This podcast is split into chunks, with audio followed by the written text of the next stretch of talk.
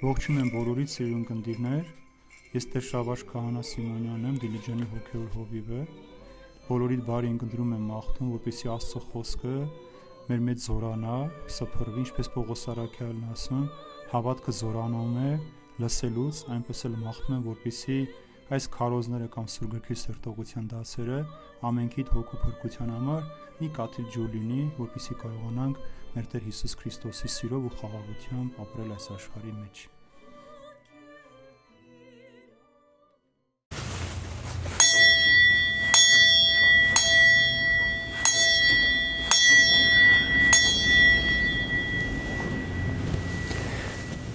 Օրհնյալ Տեր մեր Հիսուս Քրիստոս ամեն Հայր մեր, որ հերկինս ես Սուրբ Եղեցի անուն քո, եկեցե արքայություն քո, եղեցին գամ քո որպես հերկինս եւ հերկրի, հսած մեր հանապազոր, տուր մեզ այսօր, եւ թող մեզ սպարդիս մեր, որպես եւ մեկ թողունք մերոց պարտապանած, եւ մի տանիրս մեզի փորձություն այլ փրկյազ մեզի չարե, Զիքոյի արքայություն եւ զորություն եւ փառք հավիդյանս ամեն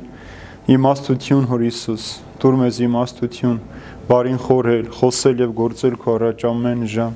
եւ չար խորուրդներից խոսքերից ու գործերից փրկիր մեզ եւ ողորմիր քո արարածներին եւ մեզ բազմամեղաց ամեն Ստեք սիրելիներ Բարի եկեք սիրելիներ թող Տեր օրհնի մեզ բոլորիս եւ փառք իրեն, որ նորից մեզ արժանացել է հանդիպելու Աստծո խոսքը միասին սերտելու, մանավանդ այսօրին, որ երկրում դժվարություններ ունենք, փորձություններ ունենք, պատերազմի վտանգ ունենք, բայց չի խանգարում, որ մենք կարողանանք Աստծո խոսքը լսել, Աստծո հետ մտերմանալ, բարեկամանալ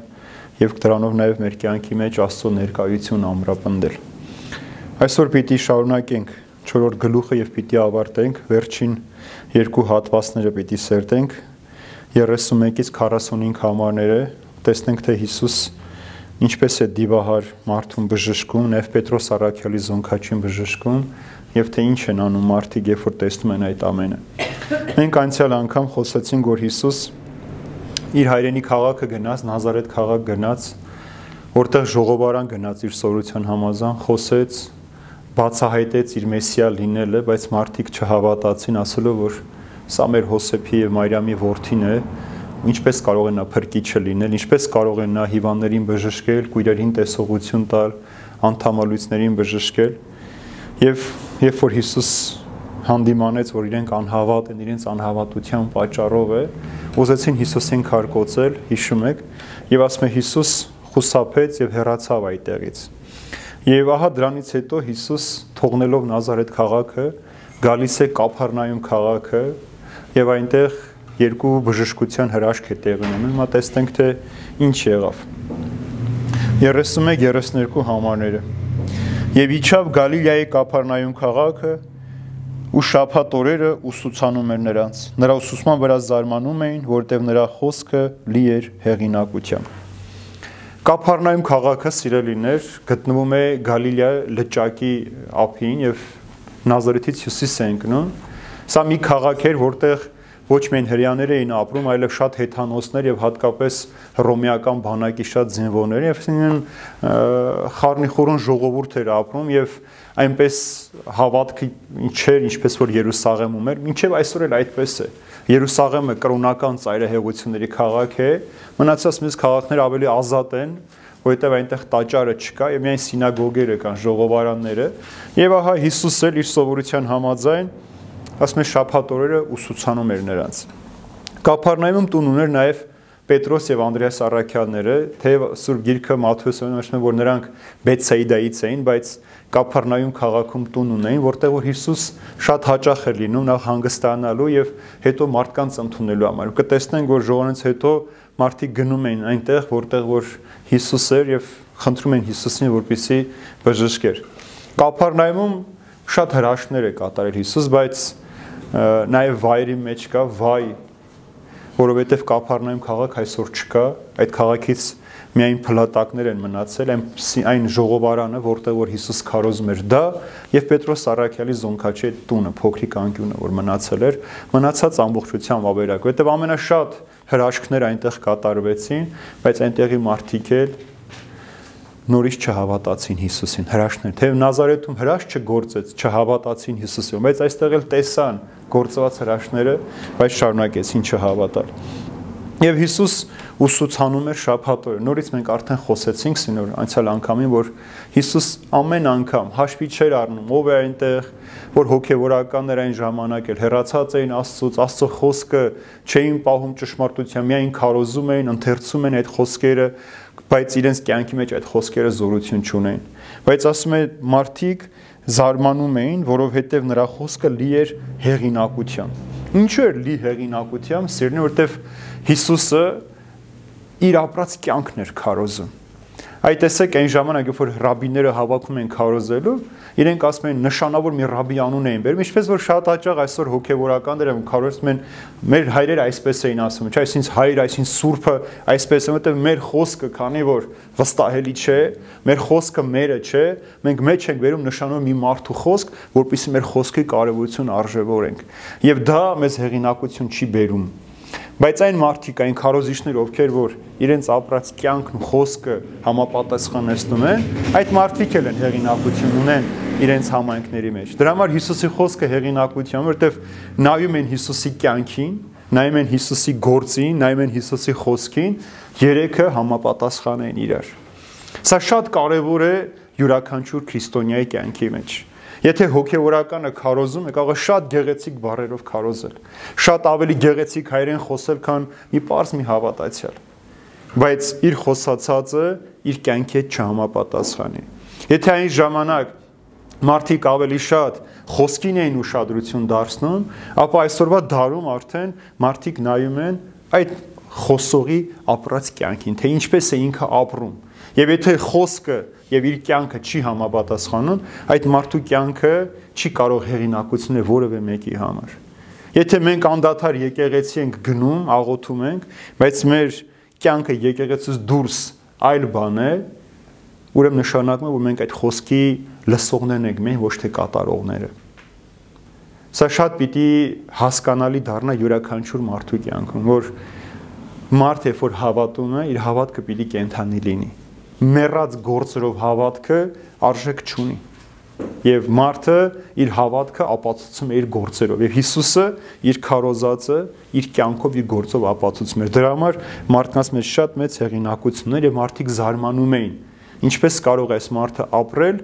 եւ քարոզել եւ համապատասխանել եւ կտեսնենք որ ասում երբ որ ամբողջ գիշեր բժշկեց վերջին հատվածը լուսաբացին գնաց առանձնացավ աղոթելու Հիսուս ցույց է տալիս որ Եթե սա գործելու ժամն է, սա էլ աղոթելու ժամն է եւ երբեք չի զլանում աղոթել։ Մենք շատ հաճախ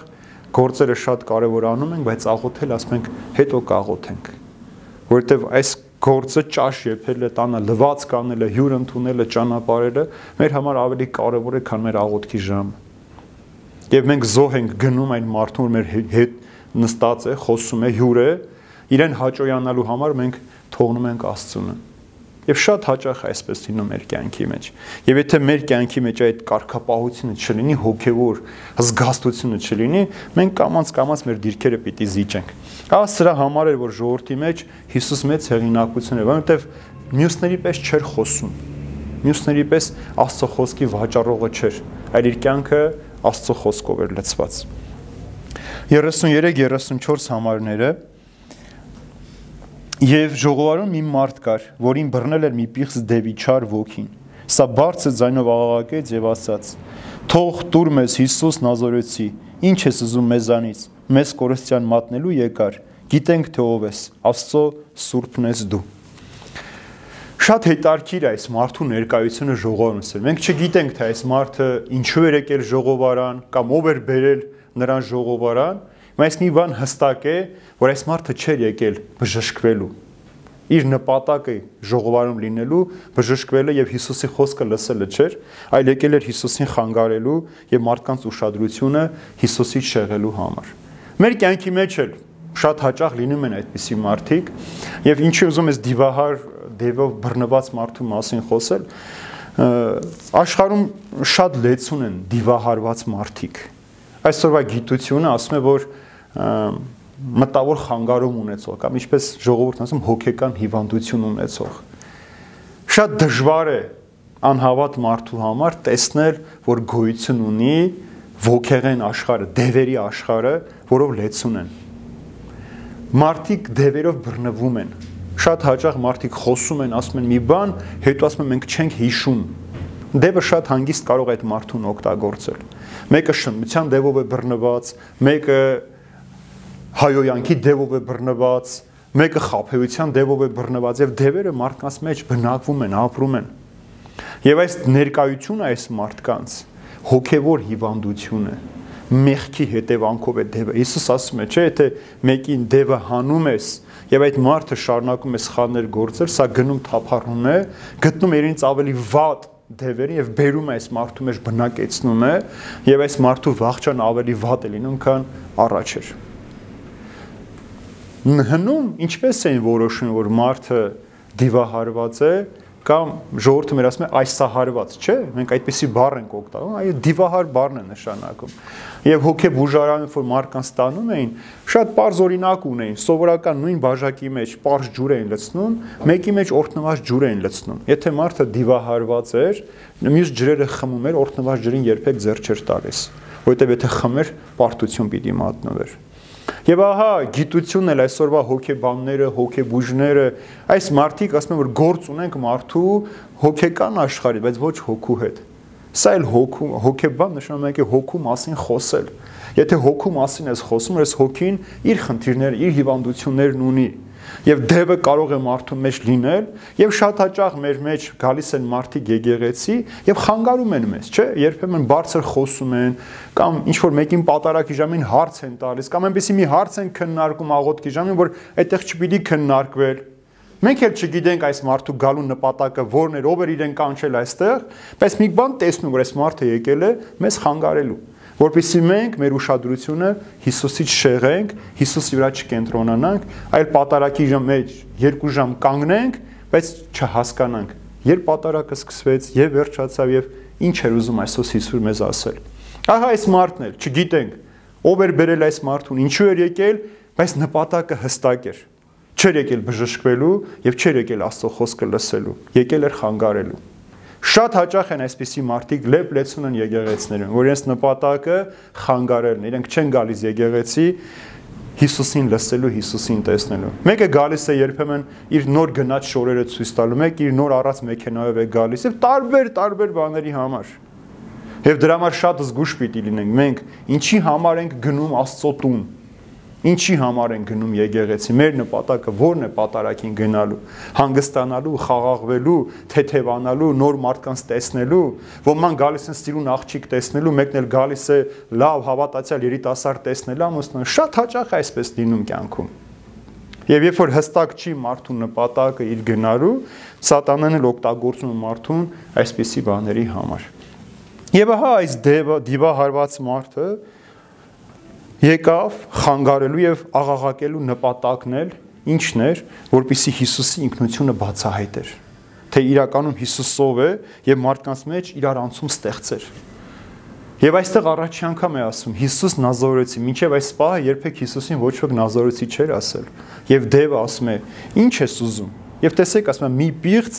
Դևի, տեսեք, պիղծ Դևի չար ոգին մտել էր այդ մարդու մեջ։ Սա նշանակում է, որ Աստծո սուրբ կամքին ընդդիմադիր մեկն էր սա որ Աստծուն հակառակ մեկն էր մտել էր այս մարդու մեջ բայց հունարեն բնագիրի բառած երբ որ թարգմանում ենք դա ավելի հասկանալի է դարձնում ասում է պիղծ ոգու մեջ էր այսինքն մարդն էր պիղծ ոգու մեջ, ինչը որ նշանակում է, որ մարդը ինքն էր պիղծ ոգու մեջ, Իսայել ցույց է տալիս նրա ազդեցության եւ իշխանության տակ լինելը։ Այսինքն մարդը ինքն էր մտել պիղծ դևի ազդեցության տակ եւ նրա իշխանության տակ եւ փորձում էր այդ իշխանությամբ էլ դևը մարդուն օգտագործել իր արարչի դեմ։ Այստեղ պետք է նաև հասկանալ, որ մարդը նույնացել էր նրա հետ ու դարձել է նրանից անբաժան։ Ուրեմն մեղքը մարդուն դարձնում է սատանայի պես, դևի պես, անբաժան, իսկ արդարությունն ու սրբությունը մեզ մեզ Աստծո պես է դարձնում, Աստծո որդի է դարձնում։ Ուրեմն մենք ենք, հայրերից մեկն ասում է, որ մարդու մեջ ասում է եւ հրեշը կա, եւ հրեշտակը կա։ Նայած ասում է, թե դու ում ես կերակրում, հրեշին, թե հրեշտակին։ Եվ ում կողմն ես ավելի դու հակված, մեղքի, թե արդարության ու սրբության։ Ընտրությունը միշտ մարդունն է։ Եթե դևը գալիս բռնել է մարդուն, այստեղ ուրեմն մարդը ինքն էր ուզել, որ դևը իր մեջ լինի։ Շատ մարդիկ կան, որ մեղքը սիրում են, մեղքի համար ապրում են այս աշխարհում եւ հաճույք են ստանում մեղքից։ Եվ այդ դևերը գալիս են ու բնակվում են եւ գնում են հատկապես այն հատվածներում, որտեղ որ աղոթք կա, որտեղ որ Աստծո խոսքը խանգարեն։ Այ հիմա տեսեք երաշտությունը, չէ, բարձր միացրածը։ Սա հատուկ արված է։ Հենց այս պահին պիտի ամբողջ օր այս երաշտությունը այսօր չի միացել եւ հիմա այսօր միացրեցին այս պահին։ Ինչու? Որպեսզի մենք լսելու փոխարեն մեկ քիչ շեղվենք այն կողմի վրա։ Եվ եթե մենք ուզում ենք աղոթել տանը թեկուս, մեկը պիտի անպայման զանգի, պիտի մեկը հյուր գա, կամ այնպեսի բան պիտի լուրը զանգեն մեզ ասեն, որ մեր աշխարհը պիտի խանգարվի։ Ուրեմն սատանայի պայքարը մեր հետ ամեն օրյա է, ամեն ժամի, ամեն վայրկյան, անգամ մեր քնած տեղը, որpիսի մեր ուշադրությունը շեղի, որpիսի մենք Հիսուսի հետ չլինենք չկարողանանք Հիսուսի հետ մեր մտերմություն ավելի ամրապնդել սիրելիներ։ Եվ այստեղ այս դեպի օրինակը փոխաբերական իմաստով, ասեմ որ մեղքը միշտ մեր մեջ լինելով խանգարում է մեզ մեղքը միշտ ուզում է որ շեղել մենք Հիսուսին չտեսնենք։ Եվ ահա այս պիղծ ոգին, այս մարդու միջից ոչ թե մարդն էր խոսում, ուրեմն այս պիղծ ոգին մարդու միջից խոսեց աղաղակելով բարձր ձենով գոռաց եւ ասաց Հիսուսին ինչու աղաղակեց, որովհետեւ իր կործանումը տեսավ։ Այն մարդը, որ մոտենում է Հիսուսին, բնականաբար հետ է նահանջում նրա մեջից մեղքը։ Այն մարդը, որ ձգտում է Հիսուսին, իր մեջ սպանում է կամած-կամած այն նախքին ցանկությունները, կրքերը, իր մեղավոր ընթացքը փոխում է։ Եվ սատանան իր կործանումն է տեսնում, որովհետև Հիսուսին տեսնելով նրանք վախենում են, վախ ունեն։ Եվ ահա այստեղ է որ առաջին անգամ բացահայտեց Հիսուսիով լինելը դև ասում է Հիսուս Նազորեցի։ Բաց միջև այսօր ոչ մեկ Հիսուսին չէր ասել Հիսուս Նազորեցի եւ դևը բացահայտեց Հիսուսիով լինելը, աղաղակելով բարձր ասում է Հիսուս, ի՞նչ է եկել ես ինձ կործանելու։ Միանգամից ցույց է տալիս, որ ինքը վախենում է Հիսուսից։ Ուրեմն այն սատանան դևը, որ մեղավոր մարդու մեջ է, եկը երկու բանից է վախենում։ Նախ սուրբ հաղորդությունից եւ խաչից։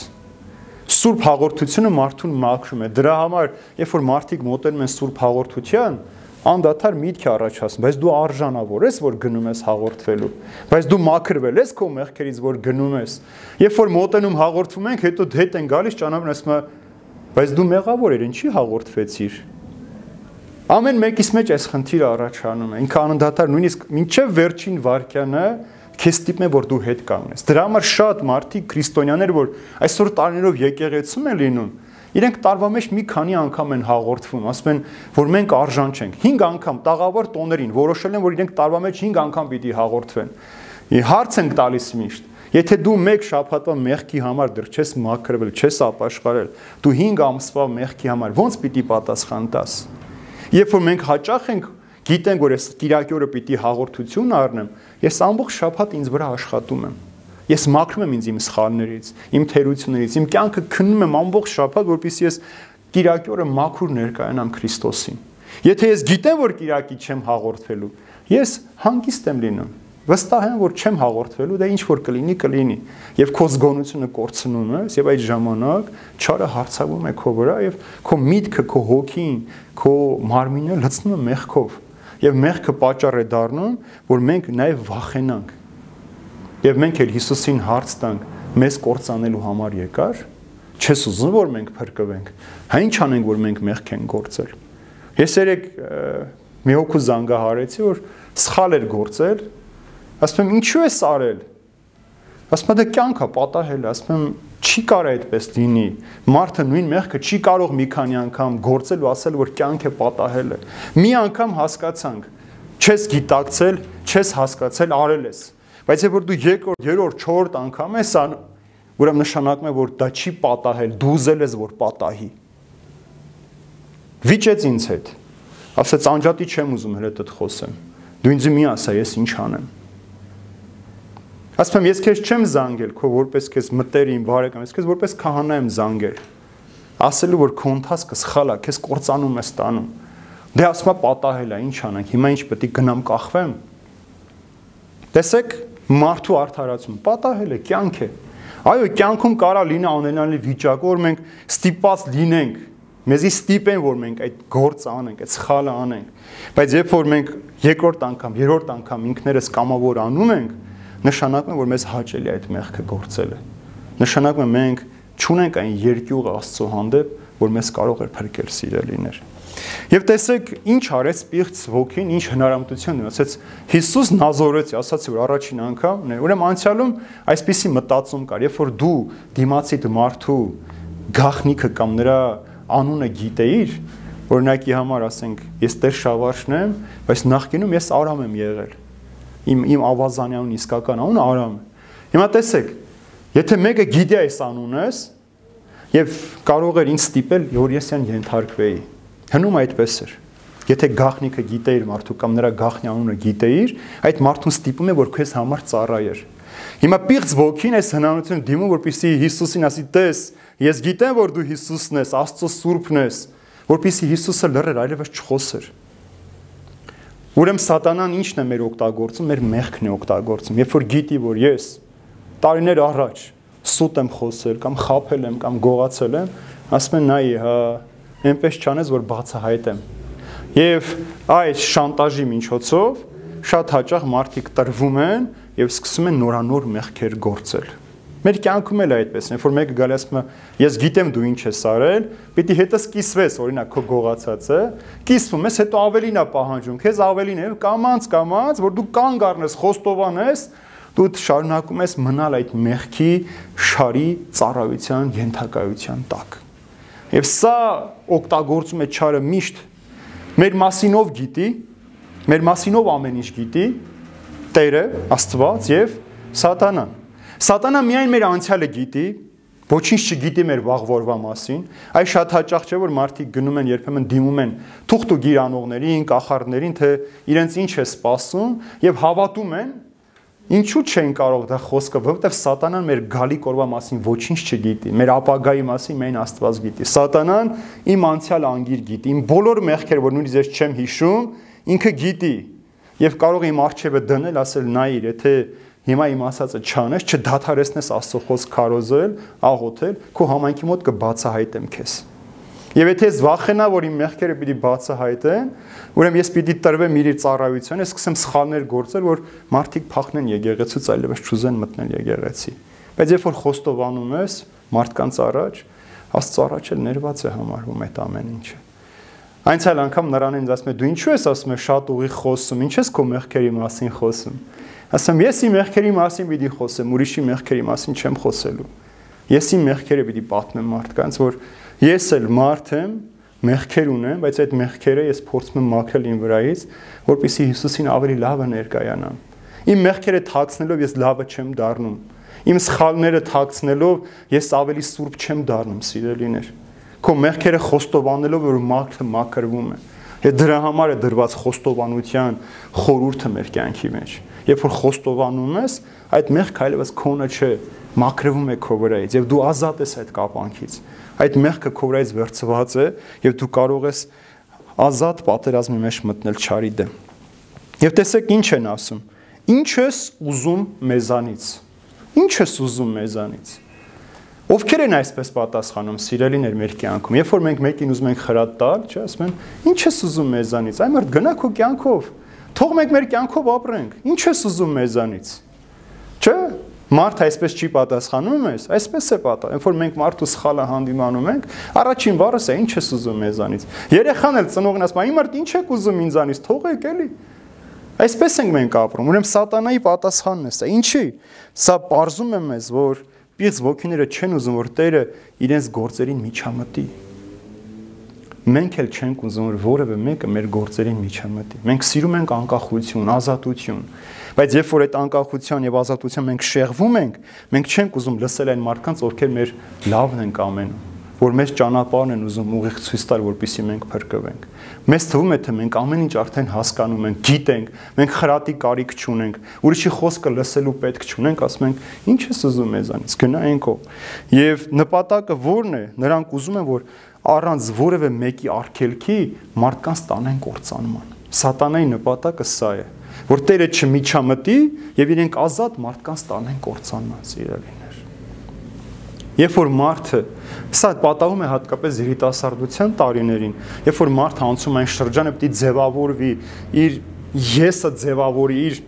դիրքը իր նիստուկացը շրջապատում հաստատի, ինքը չի ուզում ոչ մեկին լսել եւ լսում է նրանց, ովքեր ասում են, որ դու ճիշտ ես անում, լավ ես անում, քիչ ես անում, դրանց ավելին էր հասնում։ Այս խոսքերը ավելի շատ ենք մենք սիրում լսել։ Որ քիչ ես ասել, մի հատ էլ ավել պիտի ասել, մի հատ էլ պիտի խփեիր դրան։ Սա մեր կյանքն է առօրյա։ Մանավանդ հիմա Հայաստանում ամեն մեկը աշմա թող ավելի շատ իրար կհայոյի, ով մեկը մյուսի մեղքեր ավելի շատ կցուցադրի, որ ժողովրդի առաջ մերկացնեն, որ իրենք ավելի լավ է Երևան։ Եթե ես հայկի մեղքերը հիմա պատմեմ, ես ավելի լավը չեմ դառնում։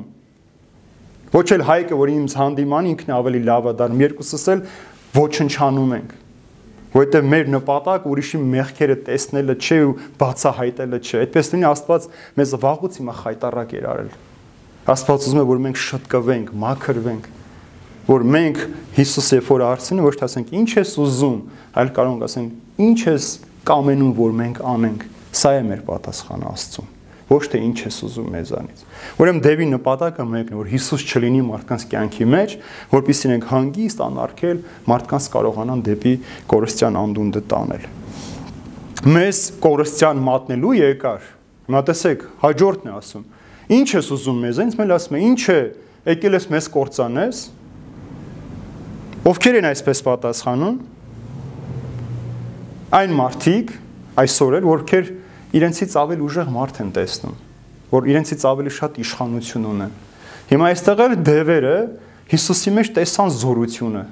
իշխանությունը, որ սա ամենակարող զորացություն ունեցող Աստվածն է իրենց դիմացել։ Այսինքն ինչ է կորստյան մատնելու եկար։ Սատանան գիտի, որ իր ժամանակը սահմանափակ է։ Իրեն կար ժամանակ է տրված։ Հիսուսի համբարձումից հետո մինչև երկրորդ գալուստ այդ ժամանակը սահմանափակ է իր համար։ Եվ իր ամբողջ նպատակը, ինչքան հնարավոր է, շատ մարդկանց տանել դեպի կորստյան։ Եւ դա կլինի տարատեսակ ձևերով։ Օրինակի համար 1947 թվականին Ամերիկայի այդ Դաշնային հետախուզության խորհրդի առաջին նախագահ իր զեկույցի մեջ ինչ է ներ, ասում է մեր նպատակը քանդել այն երկրները, որտեղ որ շատ բարեպաշտ են, բարոյականությունը բարձր դիրքերի վրա է։ Ասում է ինչպես ենք անում դա։ Ասում է առաջինը հերոստացույցի, ռադիոյի, գրականության, երաժշտության, թատրոնի միջոցով բռնությունը, թմրանյութը, կրքերը, ցանկությունը, դաժանությունը մարդկանց մեջ տարածում են եւ տիրական պահանջ են դարձնում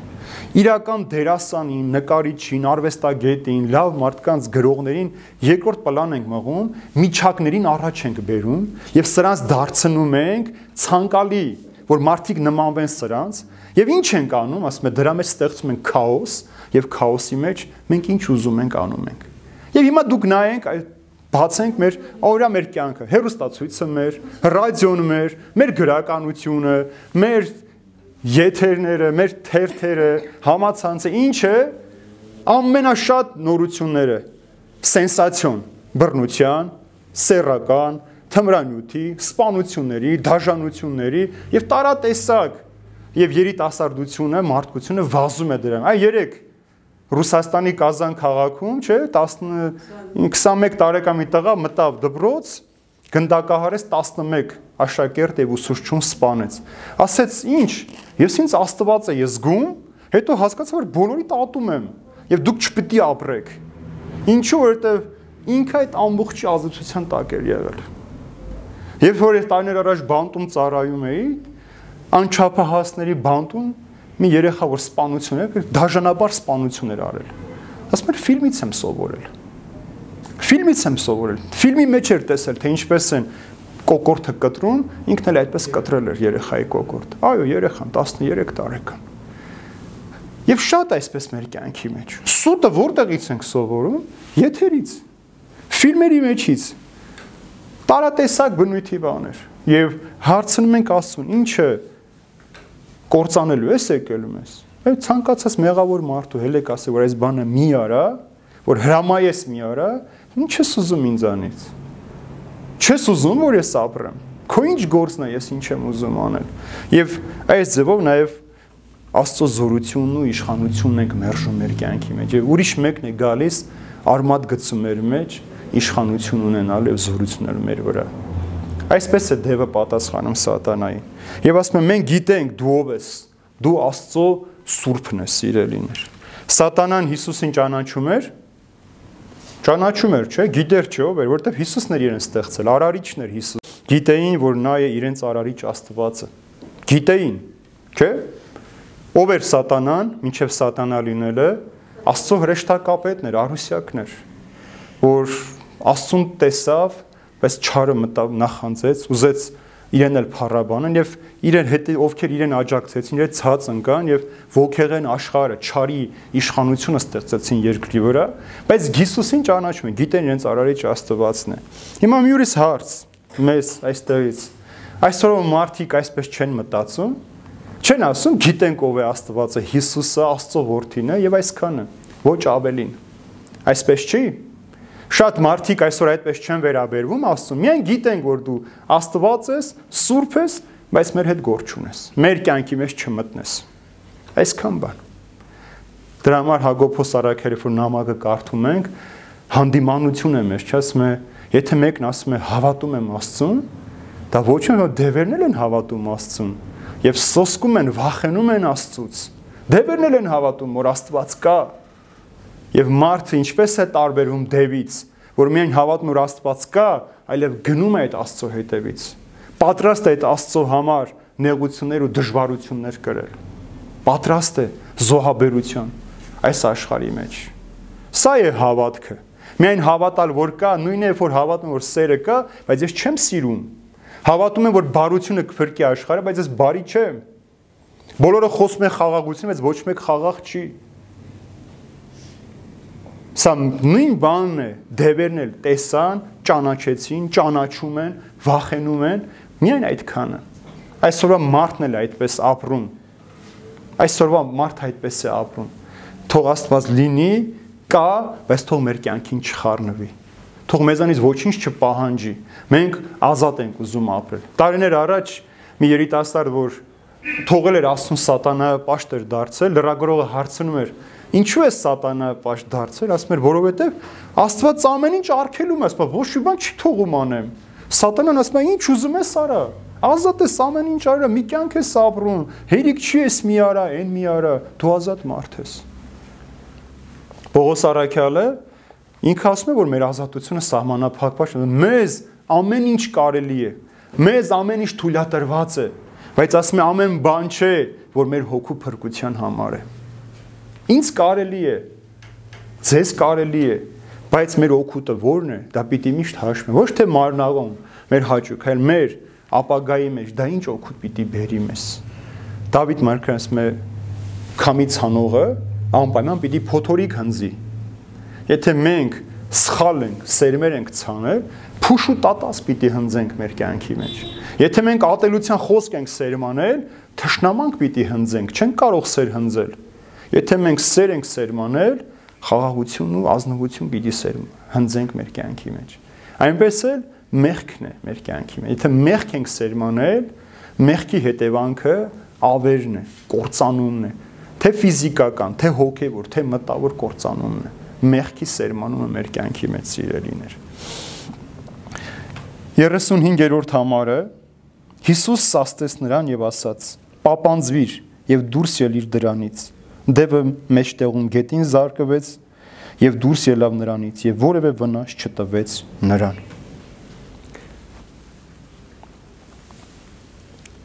Հիսուս ինչի համար եկավ աշխարհ սիրելիներ։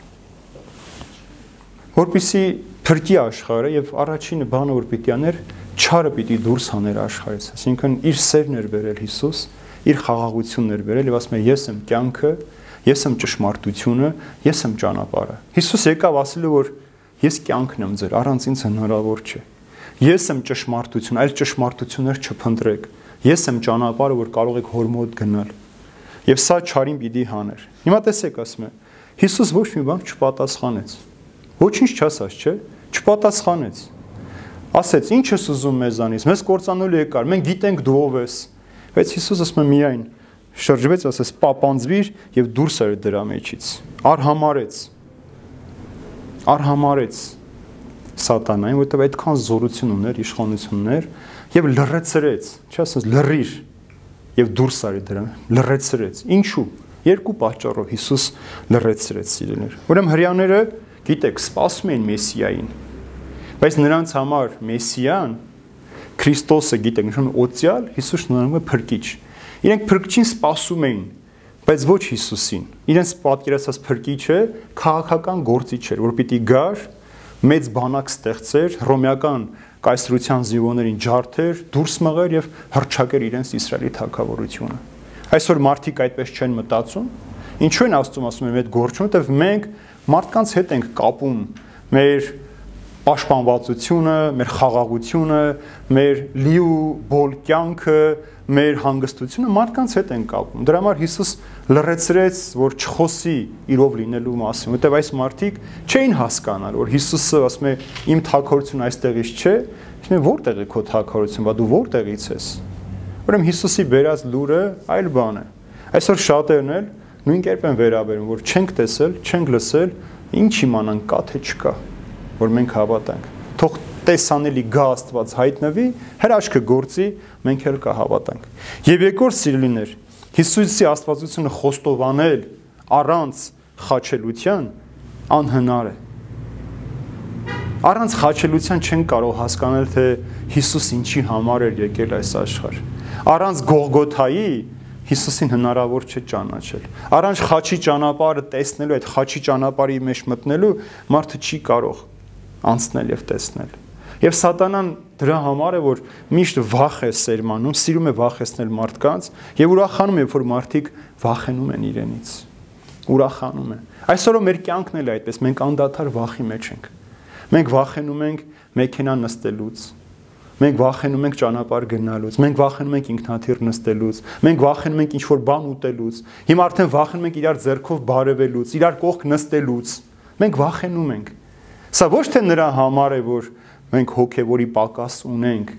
որտեղ մենք այս կյանքն ենք շատ սիրել եւ այս կյանքի համար է մեզ ինքը պատրաստում որ այս կյանքն է ամենակարևորը եւ շատ հաճախ էլ երբ որ մարդուն ասում ես այս բանը մի կերես մի խմիր ասում է մի կյանք եմ ապրում այս մի արա այն մի արա դրա ինչի չպիտի անեմ պիտի ուտեմ խմեմ մեռնեմ գնամ ուրիշ ինչ ունեմ ան այո կերեք խմեք մեռեք բայց դրանով ոչինչ չի վերջում դրանով հակառակը նոր է սկսում ամեն ինչ մահով սկսում է հավիտենական կյանքը։ Եվ այդ մահից հետոյի համար է, որ մենք ապրում ենք, մենք մեզ նեղություններ ենք տալիս։ Պողոս Արաքյալն ասում է, երբ որ այստեղ նեղություններ ենք կրում հանուն Հիսուսի, գալիք փառքին էլ մասնակից պիտի լինենք։ Եթե չկրենք այդ նեղությունները, մենք չենք հասկանա Հիսուս ինչու համար էր այս ամենը անում։ Եվ պապանձեցրեց սիրելիներ, ասում է նա դուրս եկավ այդ մարդու մեջից առանց վնաս տալու որ Հիսուսի խոսքի զորությունը ինչքան զորավոր ու գեղեցիկ։ Ասես լրիր, դուրս արի, լրեց, դուրս եկավ մարդուն, թե մարդուն խփեց գետնին, բայց դուրս եկավ, բայց մարդուն ոչինչ չեղավ։ Ցույց տալու համար, եթե մեկը Հիսուսով է ապրում,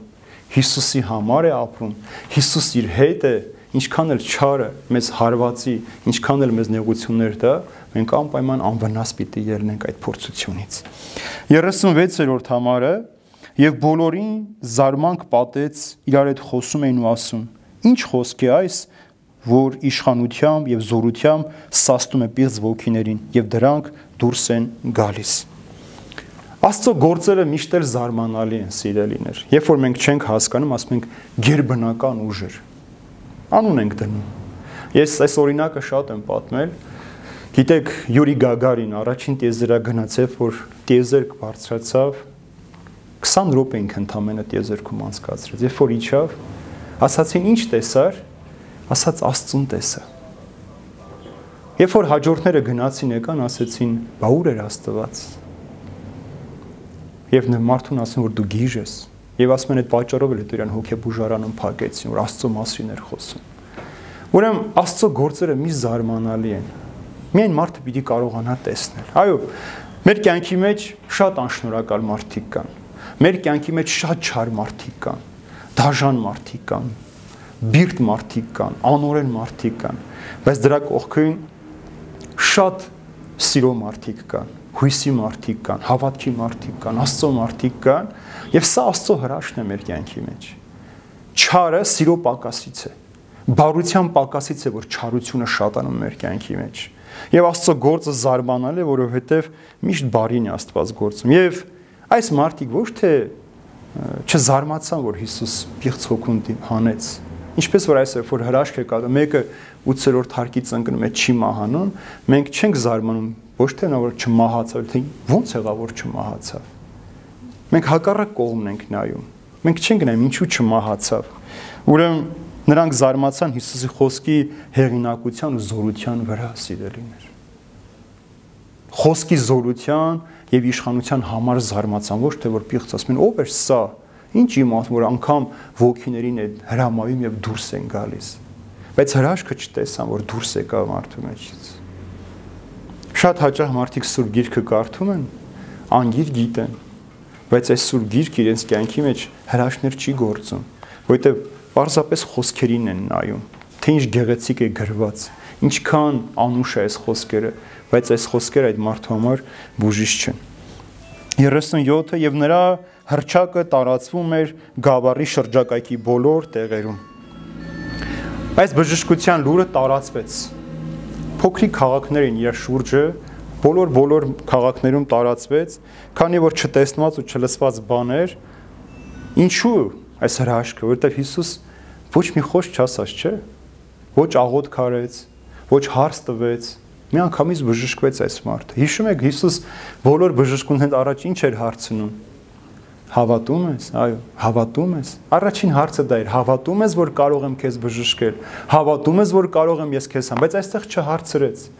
Մեկ ուրիշտեղ Հիսուս ձեռքը դնում էր, հիշում եք, կամ դիպում ձեռքով կպնում էր։ Հիսա քիչ հետո կտեսնենք մյուս հրաշքի մեջ, բայց այստեղ ոչինչ չասեց ու մարդիկ զարմացան։ Լուրը տարածվեց, որ այս մարդը մեն ասեց. «Պապանձվիր, լռիր» եւ միանգամից մարդը բժշկվեց։ Ուրեմն Աստված այդպիսի զորություն ունի, որ միանգամից պապանձվիր եւ լռիր։ Ինչպես որ ծովի ալեկոծության ժամանակ որ ասեց հանդարտվիր խաղով եւ ալիքները խաղաղվեցին, ծովը հանդարտվեց եւ խաղաղություն տիրեց։ Ուրեմն այսքան զորավոր էր Աստծո խոսքը։ Եվ ահա հաջորդ համարի մեջ 39-ը եւ նա ժողովանից դուրս գալով մտավ Սիմոնի տունը։ Սիմոնի զոնքաճը բարձր ջերմության մեջ տարապում էր։ Նրա համար Հիսուսին աղաչեցին։ Ուրեմն ժողովարանում ավարտեց սիրելիներ խոսքը եւ դուրս եկավ, մտավ Սիմոնի տունը։ Այսինքն Սիմոնը Պետրոս Արաքյալի մյուս անունն էր, չէ՞։ Այսինքն Սիմոն էր Հիսուսը նրան Պետրոս կոչեց։ Եվ անցյալում շատ հետարքիր էր, սիրելիներ, ընտանիքները միասին էին ապրում, չէ՞։ Հիմա է որ ամեն մեկ իր սենյակն ունի, ամեն մեկ իր պահարանն ունի, մեկը մյուսին թույլ չի տալիս իր սենյակը մտնելու, կռիվ այդ սենյակը կամ իրին ձեռ տալու համար։ Առաջ բոլորը մի սենյակում էին քնում, որովհետև մի սենյակի մեջտեղը սարքում էին թոնիրը, վառում էին եւ բոլորը մաղճականները փռում էին անկողիները հատակի վրա, ընտանիքի բոլոր անդամները կրակի շուրջը քնում էին Էլ չեմ ասում, որ զոնքաչի հետ էր քնում։ Չէ, զոնքաչն էլ էր, այսօր զոնքաչին է։ Կարող են տանել իրենց տունը պահել այսօր մարդիկ, չկա այդպեսի, կամ սկիսրոջ հետ ապրել։ Հարսու կիսուրը սրթուրը թվան, անգամ առանձին տներում ապրելուց էլ իրար հետ թշնամի են ուր մնաց որ մի հարկի տակ ապրեին։ Դե տեսեք ինչքան գեղեցիկ օրինակ է Պետրոս Սարաքյալը Զոնքաչի հետ նույն տանն էր ապրում միասին էին ապրում, մեկ ընտանիք էին։ Եվ ինչքան էր սիրում, ասում եմ, որ զոնքաճը ջերմություն ուներ, խնդրեցին Հիսուսին, բնականաբար նախ Պետրոս Արաքյալի կինը աղջիկը խնդրեց իր մոր համար, հետո էլ Պետրոս Արաքյալը խնդրեց իր զոնքաճի համար։ Այսօր ով է իր զոնքաճի կամ իր կիսուրի համար խնդրում։ Շատ քիչ, չէ՞։ Ինչքան որ կյանքը առաջընթաց է ապրում, այնքան էլ մարդիկ իրար չեն հանդուրժում անգամ ծնողը զավակի է, զավակը ծնողի հետ այլևս չեն կարողանում ապրել որովհետև ամեն մեկը իր իշխանությունը ուզում բանեցնել։ Եվ ոչ մեկ չի ուզում զիջել։ Եւ ոչ մեկ չի ուզում տանուլ տալ։ Ամեն մեկ ուզում է իրեն քաշել, վերցնել։ Բայց շատ գեղեցիկ օրինակ է։ Մեկ ընտանիքի պես էին ապրում, խաղաղ էին ու երջանիկ էին։ Ուրեմն Սուր գիրքը ասում է, որ տունը Սիմոնին ու Անդրեասինն էր։ Պետրոս եւ Անդրեաս Արաքյաններ գիտեք, եղբայրներ էին, եւ տունն իրենց էր։ Իրենք ծնունդով Բեթսայդայից էին, բայց քանի որ Հիսուսը կափառնայում էր շատ լինում, մեկնիշներից մեկն ասում է հայրից, որ նրանք Բեթսայդայից տունը թողեցին, եկան կափառնայում տուն առան, որ Հիսուսին մոտ լինեն եւ Հիսուսին էլ կարողանան հաճախ իրենց տանը հյուրընկալել։ Տեսեք, սիրելիներ, շատ կարևոր խորհուրդ կա։ Այստեղ ասում է Զոնքաճը հիվանդեր Հիսուսին խնդրեցին։ Այս դրվագից ինչ ենք ասում, եթե ընտանիքի անդամներից մեկը հիվանդ է, պետք է տիրոջ աղոթել եւ խնդրել։ Առաջին բանը դա պետք է անենք։ Ճիշտ է, մենք այսօր միանգամից հեռախոս համարը համակում ենք եւ զանգում ենք բժշկին կամ շտապ օգնություն ենք կանչում, բայց պետք է Աստծուն խնդրել եւ աղոթել, որպեսզի մարդը բժշկվի։ Բժիշկը կարող է իր դեղատոմսը նշանակել, իր բուժումը նշանակել, բայց բժիշկների բժիշկն է բուժողը, Հիսուս ինքն է բուժողը։ Առանց Հիսուսի չի կարող։ Նույն հիվանդությամբ մարդիկ պարկում են հիվանդանոցում, մեկը դուրս է գրվում, մեկը ուրիշ տեղ է գնում։ Որովհետև այն մեկի համար չխնդրեցին գուցե, որովհետև հույսը դրեցին բժշկի դեղերի վրա, հույսը դրեցին բժշկի հմտության ու կարողությունների վրա։ Բժշկողը Աստված է բժիշկը մեն իր գործն է անում, բայց բժշկություն ապարգևող Աստվածը։ Դրա համար, երբ որ հիվանդ է որևէ մեկը, պետք է Աստծուն խնդրել սիրելիներ։ Եվ Հիսուսին աղաչեցին, որպիսի ջերմությունը։ Եվ ինչու է ասում ջերմությունը։ Ղուկասը ասել ենք, չէ՞, որ բժիշկ էր, եւ բժշկի աչքով է նայում այդ ամեն ինչին։ Եվ 40-րդ համարի մեջ ասում է Հիսուս կանգնեց նրա մոտ, սաստեց ջերմին եւ ջերմը թողեց նրան։ Հիվանդ անմիջապես ոտքի ելավ եւ սпасարկում էր նրանց։ Հիմա էլ ասում է ջերմին սաստեց։ Եվ ջերմը թողեց հիվանդին եւ հիվանդը վեր կացավ եւ բժշկեց։ Ինչ է սա նշանակում, որտեղ որ Հիսուս կա, այնտեղ բժշկություն կա։ Ուր որ Հիսուս գնում է, իր հետ բժշկություն է բերում։ Եթե Հիսուսին թույլ ենք տալիս մեր տուն մտնել, մեր հոգու տունը մտնել, ուրեմն մենք ամենայն պիտի բժշկվենք։ Եթե մենք Հիսուսին կանչում ենք մեր տուն, ուրեմն Հիսուսը անպայման իր հետ բժշկություն պիտի բերի մեզ եւ մենք պիտի առողջանանք եւ պիտի սաստի։ Ուրեմն Պետրոսի զոնքաճի բժշկությունը ցույց է տալու որ Հիսուս իր հետևորդների սիրուն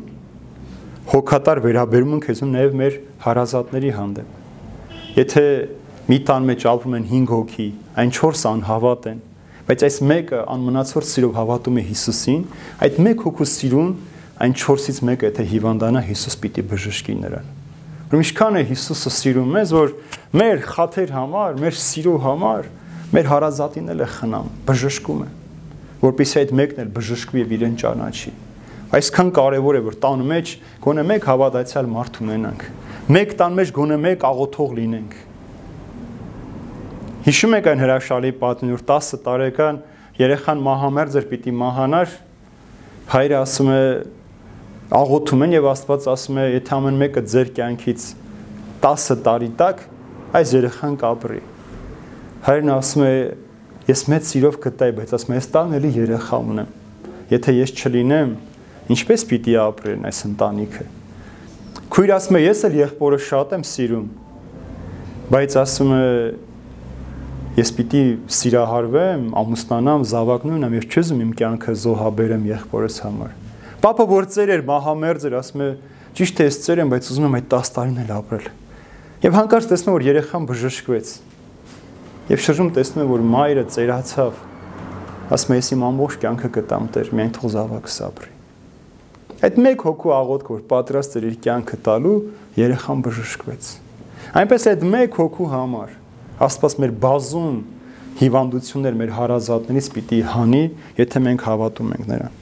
Նրանք, ով որ Հիսուսով բժշկվում են, պետք է նաև նվիրվեն Հիսուսին ծառայելուն սիրելիներ։ Մեր կյանքի մեջ շատ են մեր բժշկությունները։ Այս քաղաքում գոնե ես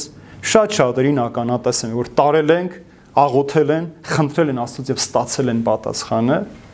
բայց այլևս եկեղեցի չեն վերադարձել կամ երբեմն երբեմն վերադառնում են, մեկ հատ մոն վառելու կամ տոնից տոն գալիս են ինչ որ բան ասելու Աստծուն։ Եվ տեսեք, ասում անմիջապես սաստեց ջերմին, ջերմը թողեց, մենք գիտենք, որ եթե մենք հիմա դեղ խմենք, մի մի ժամ, երկու ժամ գոնե պետք է, չէ՞ որ մեր ջերմությունը թողնի։ Բայց երբ որ թողնում էլ է, մենք չենք կարող ելնել գործան, որտեղ դեռ տկարություն ունենք, թուլություն ունենք։ Բայց ասեք Հիսուսի զորավոր խոսքը՝ սաստեց, ջերմը թողեց եւ հելավ ու սկսեց սпасավորել նրանց։ Այսինքն հելավ ու փառաբանեց Աստծուն։ Պետրոսի զոնքաճի գործը սա էր։ Բժշկվելուց հետո չամաչեց ասելու որ ոչ թե հավատքով բժշկվեցի, այլ իմ աղջկայում Փեսայի խնդրանքով Հիսուս բժշկեց ինձ եւ ես բժշկվեցի։ Մատթեոսի ավետարանի մեջ ասում է Հիսուս դիպավ նրան, ձերքով կպավ։ Ուրեմն այդ բժշկությունը պետք է թույլ տան, որ Հիսուս ձերքով կպնի մեզ։ Հիսուս ամեն օր մեր կողքով քայլում է, մեր կողքով գնում է, բայց մենք թույլ պիտի տանք, որ Հիսուս դիպի մեզ, իր ձեռքը կպնի մեզ, կամ մեր ձեռքը բռնի։ Շատ հաճախ մենք է, չէ՞ որ գնում ենք հիվանդին, տեսնում որ ձեռքը բռնում ենք, ասում ենք մենք քո կողքն ենք, քո հետ ենք, հիվանդը ինչքան լավ է, չէ՞ զգում իրեն։ Միանգամից ուզում է ապրել, առողջանալ։ Ուրեմն Հիսուսը է բուժից ձեռքն է մեկնում եւ իր հրաշագործ ձեռքն է կպցնում մեզ, որpիսի միանգամից են բժշկվենք եւ իրեն ծառայենք։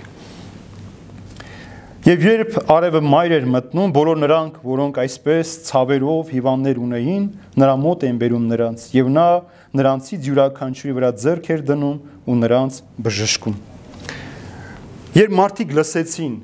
սա 41-րդ համարն է, Դիվահարի եւ Պետրոսի զոնքաչի բժշկության լուրը, բոլորը շտապեցին Հիսուսի մոտ, քանի որ բոլորի տներում էլ կային նմանատիպ հիվանդներ։ Ջերմություն ունեին, ցավ ունեին, աղիքային խնդիրներ ունեին, դիվահարված էին, բերեցին։ Հիմա այստեղ հարց է. ինչու մայրամուտին բերեցին։ Ինչու մութ ընկնելու պես բերեցին Հիսուսի մոտ, առավոտյան շուտ չբերեցին։ Ինչ օր էր այդ օրը, որ Հիսուսը այնտեղ էր։ Շաբաթ էր, չէ՞։ Շաբաթ ինչ էր նշանակում։ Հանգիստ։ Ուրեմն հрьяաները չէին աշխատում շաբաթ օրսին։ Նրանց անգամ արգելված է քայլել։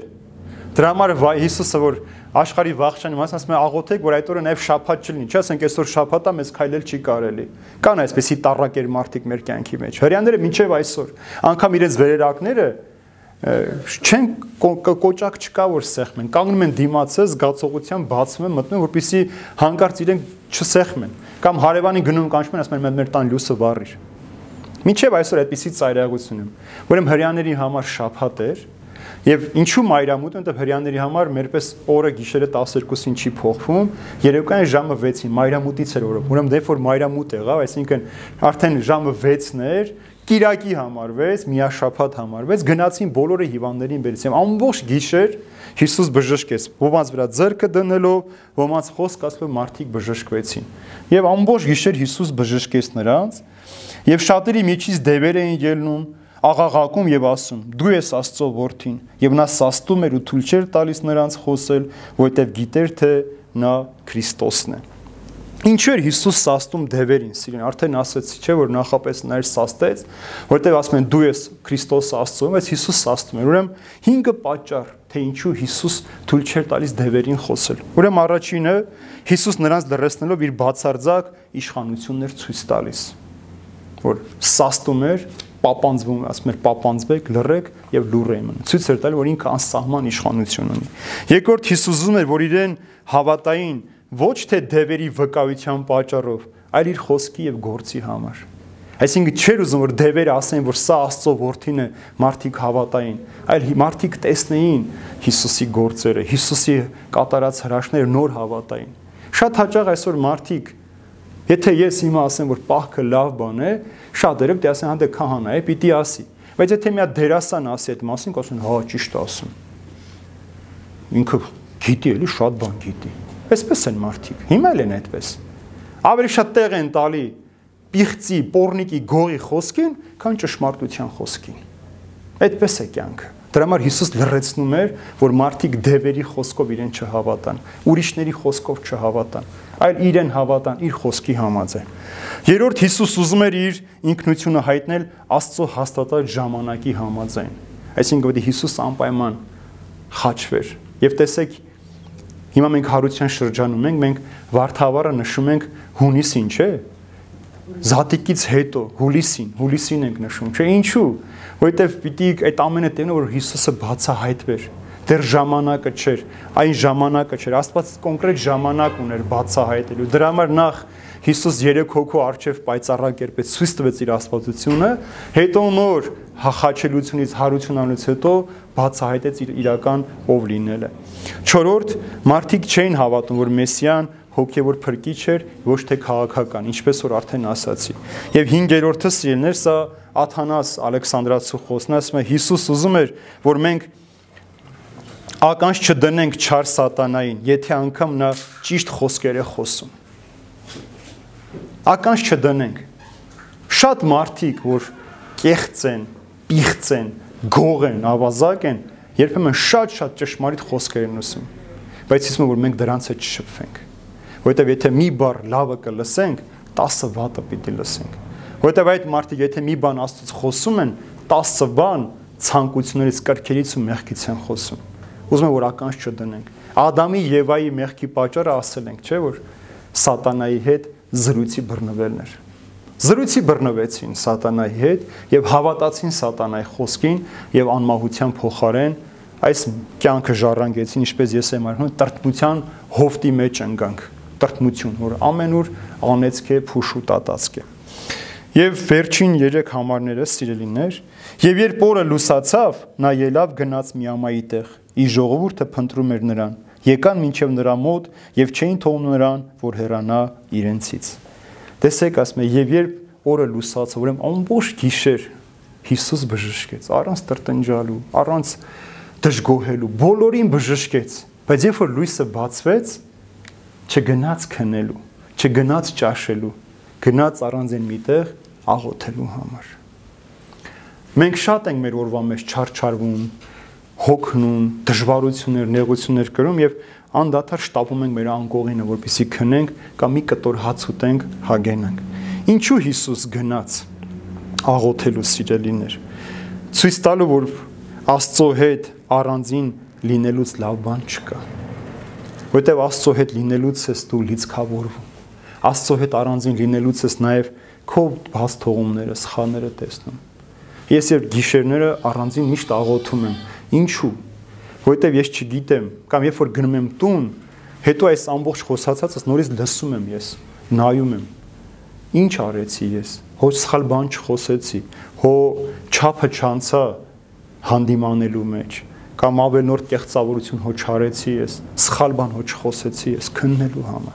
Եվ աղոթքը այդ ինքնակնությունն է պատրաստում մարդուն առանց Աստծո հետ լինելու դու չես կարող հասկանալ քո խոսքը ճշմարիտ էր, բուժիչ էր, շինիչ էր, թե կործանարար էր։ Եվ Հիսուս այս օրինակը մեզ թողնում է որ աղոթքի կարևորությունը հիշեցնելու համար ու առանց աղոթքի նաև մենք մեր առաքելության մեջ չեն կարող հաջողել եւ խաղաղության մեջ լինել։ Առանց աղոթքի հնարավոր չէ։ Ամեն ինչի տվողը Աստված է։ Ես այստեղ ոչինչ չեմ անում։ Այստեղ անողը Աստված է։ Մենք ընդհանրապես միջոց ենք Աստծո համար իր գործը կատարելու։ Մնացած Աստված ինքն անում։ Եվ ժողովուրդը հավաքվել էր, չէ՞ թողնել նրան Հիսուսից հեռանալ։ Եվ Հիսուս ինչ պատասխանեց նրանց։ Եվ նա ասաց. Աստծո արքայությունը ես ուրիշ քաղաքներ էլ պիտի ավետարանեմ, որտեվ դրա համար իսկ ուղարկվեցի եւ նա քարոզում էր գալիլեացիների ժողովարաններում։ Նրանք ովքեր Աստծո կամքի եւ օրենքների համաձայն են ապրում, սիրելիներ, նրանք արդեն Աստծո թակավորության քաղաքացիներն են։ Տեսեք, ասում եմ, ես այլ քաղաքներ էլ պիտի գնամ քարոզեմ, տանեմ։ Այն մարդիկ, ովքեր ապրում են Աստծո կամքով եւ օրենքով, արդեն այդ արխայության քաղաքացիներն են։ Արդեն այդ ճշմարտությունն ունի իրենց կյանքի մեջ եւ վայելում են այդ արխայության օրհնությունն ու խաղաղությունը։ Եթե չենք ապրելու, միայն պիտի լսենք, դա արդեն դատապարտություն է մեր կյանքի մեջ։ Լսելով ոչ ոք չի փրկում։ Թեև Արաքյան ասում է լսելուց է մեր հավատքը շատանում։ Եթե շատ լսում ենք, մեր հավատքը ավելանում է։ Եթե մեր հավատքը լսելուց ավելանում է, մենք կարող ենք նաև փրկվել։ Բայց եթե պիտի լսենք լսելու համար, ոչ թե մեր հավատքը զորացնելու համար, մենք չենք կարող այդ արխայության քաղաքացիները լինելու։ Հուդան առաքյալ լինելու բացառիկ շնոր ուներ։ Հիսուսի ընտրած 12-ից մեկը լինելու, բայց նրա վախճանը դժողքն էր, որովհետև լսեց, տեսավ, զգաց, բայց չապրեց։ Եվ այդ օրհնությունն ու խաղաղությունը իր մեջ ճանաչավ սիրելիներ։ Ուրեմն սա նաև նրա համար էր, որ Հիսուս ասում է, որ ինքը միայն մեկ հոգու համար չէ, կամ մի ազգի համար չէ, այլ բոլոր ազգերի ու ժողովուրդների համար է սիրելիներ։ Այսքան այսօր սիրելիներ, ինչ սովորեցինք մեր կյանքից, այս փոքրիկ հատվածից, որ այսօր մենք լսեցինք։ Առաջինը Հիսուս ուզում էր մեզ հիշեցնել, թե մենք ինչու ենք եկեղեցի գնում, ո՞րն է մեր նպատակը։ Ինչու ենք գնում։ Հիսուսին տեսնելու, Հիսուսի հետ գրկա խառնվելու, Հիսուսին սեր խոստովանելու, թե ուրիշների թերությունները տեսնելու։ Կան մարդիկ, որ գալիս են երբեմն եկեղեցի եւ տեսնում են, այսինչը գլխաշոր չգցեց, այսինչը ճաղաճ շալվար էր հագել, այսինչը չգիտեմ, հերախոսը ձայնը չէր անջատել, երբ որ դու ուրիշների թերությունները տեսնում ես, դու քո սխալները երբեք չես կարող տեսնել։ Ուրեմն հիս մենք գնում ենք եկեղեցի մեր սխալներից սրբագրվելու համար, ոչ թե ուրիշներին սրբագրելու համար։ Երկրորդ, մենք պիտի իմանանք, որտեղ ինչպես պիտի խոսենք։ Եվ Աստծո խոսքը ինչ զորություն պիտի բերի մեր կյանքի մեջ։ Եվ երրորդ, մենք պիտի լինենք Հիսուսի վկաները, չամաչելու խոսելը, որ իմ կյանքի այս նեղության, այս դժվարության ժամին իմ մխիթարող Աստվածներ ինձ լուսավոր ճանապարհ բացողը ինձ համար լույսը ցակեցնող Աստված ինքն էր։ Եվ մենք արժանանանք այդ բժշկությանը եւ կլինենք Աստծո հետ հավիտյան։ Այժմ եւ հավիտյանս հավիտենից ամեն։ Աստված բոլորիս պահապան սիրուներ, խաղաղություն բոլորիդ։ Թող Տերը օրհնի ամենքի, խաղաղությունը սիրո մեջ պահի եւ սիրո Աստվածը թող ամենքի ընտանիքների մեջ զորություն պահպանություն պահի, որպեսզի երբևէ չսասնվեք ու չվախենաք այս աշխարհի բոլոր նեղություններից ու դժվարություններից։ Աստված պահպան ամենքիդ։